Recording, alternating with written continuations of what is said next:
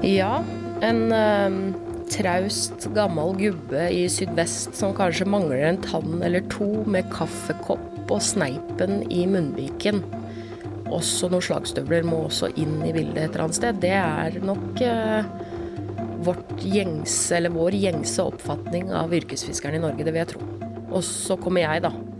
Og det er jo egentlig veldig artig, eh, for veldig ofte når jeg har møtt folk som forventer å møte yrkesfiskeren Helene, altså en kvinnelig ung yrkesfisker i Oslofjorden, uff a meg, så kommer jeg tassende gjerne med noen høye hæler og litt eh, både gull og diamanter, for å si det litt sånn. Altså litt stæsj og litt assessoarer og gudene veit hva jeg ikke har på meg.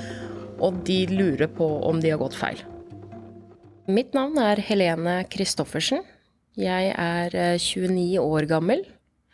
Jeg er eh, opprinnelig yrkesfisker fra Oslofjorden med i hvert fall 15 dokumenterte generasjoner med yrkesfiskere bak meg i familien. Og driver nå uh, Fisketorget i Oslo. Er daglig leder der og driver sjømatdisk uh, og servering av sjømat. Jeg har nok alltid kjent en ansvarsfølelse for å føre fiskeriyrket i min familie videre. Men jeg har vel aldri følt at det har vært en forventning fra noen av mine foreldre. Men jeg oppfatter det som at når jeg da en gang gjorde det, så var begge veldig glad for det. Moren min var glad fordi hun visste at eh, faren min hadde noen med seg, og faren min var glad fordi han følte at han på en måte videreførte det. Men jeg tenker jo at hans foreldre sannsynligvis sa det til han som var litt mer vanlig da, at eh, altså det å fiske, det er liksom for litt Ikke døgnikter, snarere tvert imot, men altså de som ikke klarer seg på skolebenken.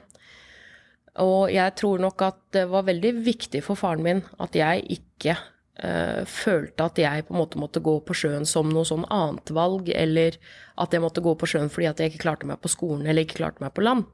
Jeg begynte jo uh, som fisker da jeg var veldig ung, og det er jo selvfølgelig fordi at pappaen min var fisker. Så etter hvert som jeg ble voksen nok og fikk lov eh, til å være med utpå, så har jeg egentlig vært fast mannskap om bord. Og så har jeg kombinert det med utdannelse, for det mente også faren min at var veldig viktig. Uh, altså Min far han er jo opprinnelig fra brislingfiske i Oslofjorden, men han begynte med reketrolling.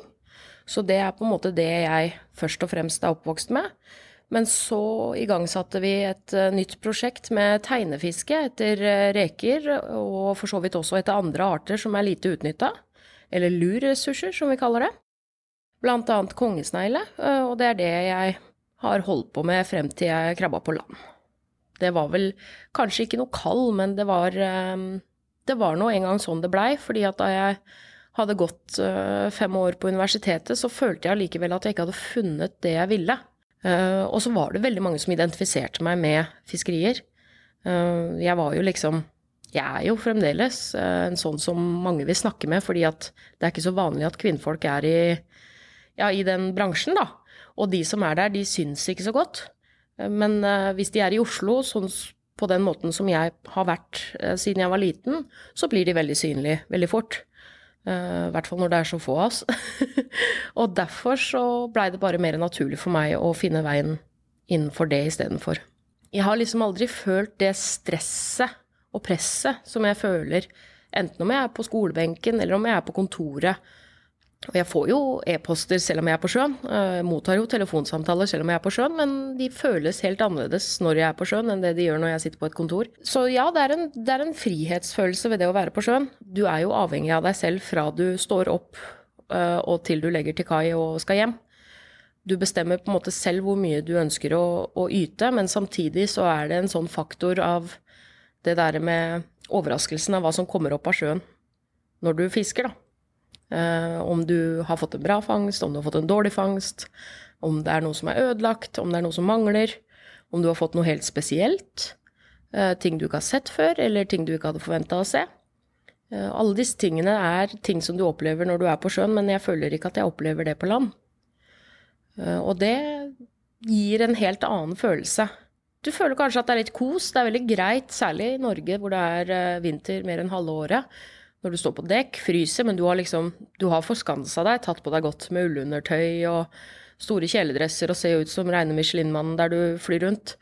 Eh, så kommer du på en måte inn i, i styrhuset, og der er det varmt og godt, og kanskje du koker deg noe kaffe, eller Du er ikke så veldig glad i kaffe, verken jeg eller faderen. Det blir kanskje litt te eller noe sånt.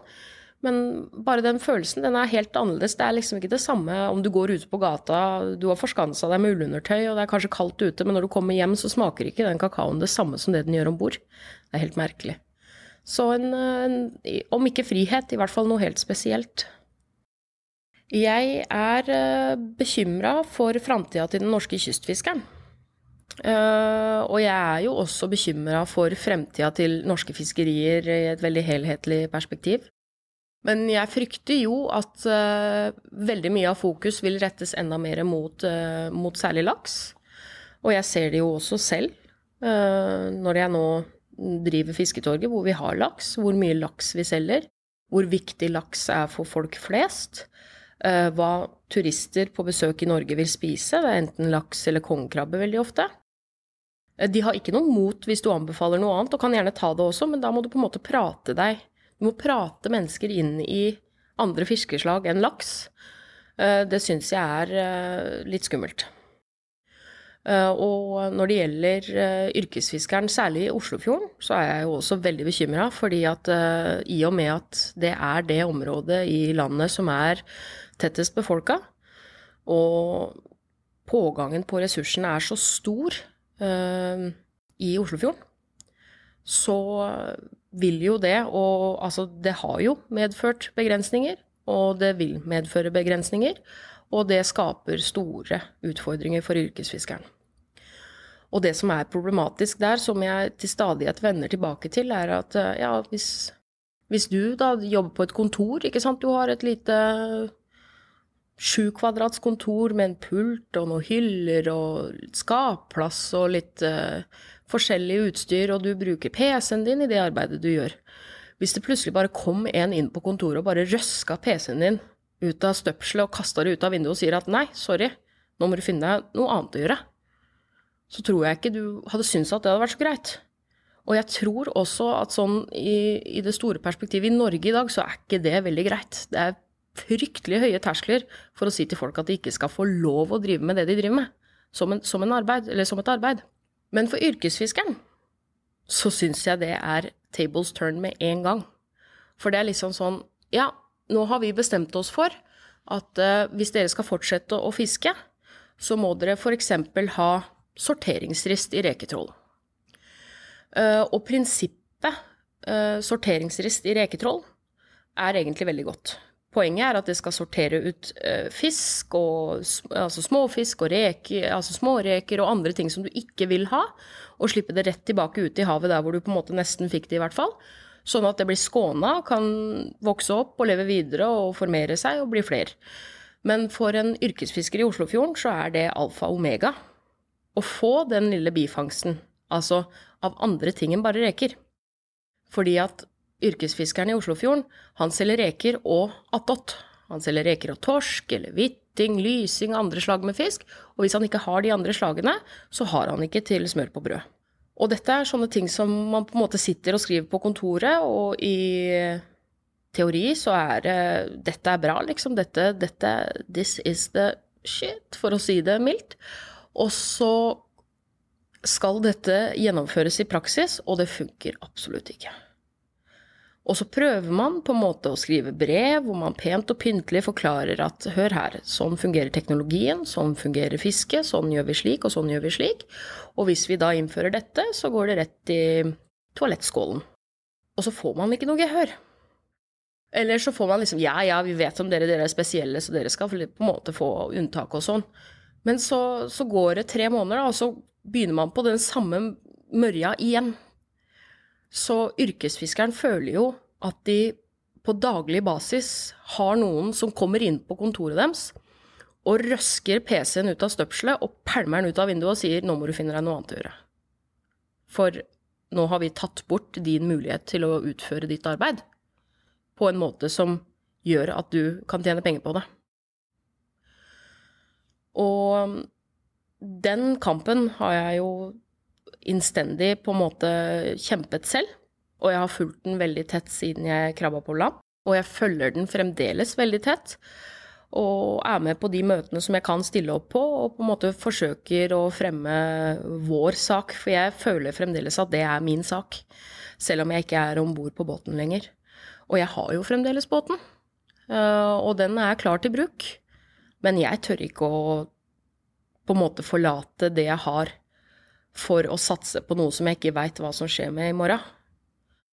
På en måte Eh, skremmer ungdommen fra å begynne, og i hvert fall skremmer ungdommen fra å begynne på noe som er deres, deres eget. Altså sin egen sjark. Å være sin egen herre. Å gå når man vil, og gjøre som man vil. Uh, selvfølgelig med at man tar utgangspunkt i reglene og følger det, men, men at man på en måte styrer sin egen hverdag og er, og er liksom sin egen lykkes uh, smed. Det er på mange måter de blitt fratatt det virker enda mindre fristende for meg å kunne søke ut på sjøen igjen. Det er jo som å stikke fingeren i, i, i været og bare lure på hva som skjer nå. For det, det føler jeg at er det som er i ferd med å skje.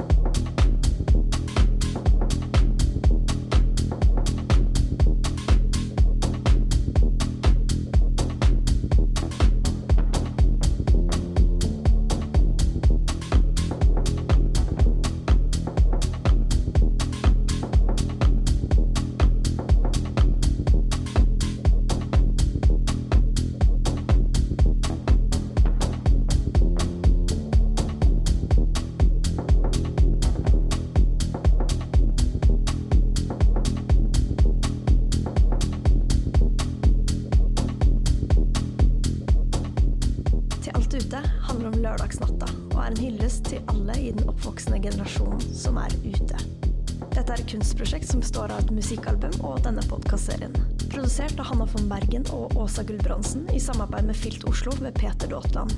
Musikk av Bendik Baksås, kuratert av Fredrik Høyer.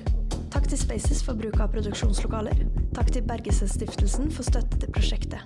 Sjekk også ut dobbeltalbumet til Alt ute av Fredrik Høyer og Bendik Baksås på Spotify og andre digitale kanaler.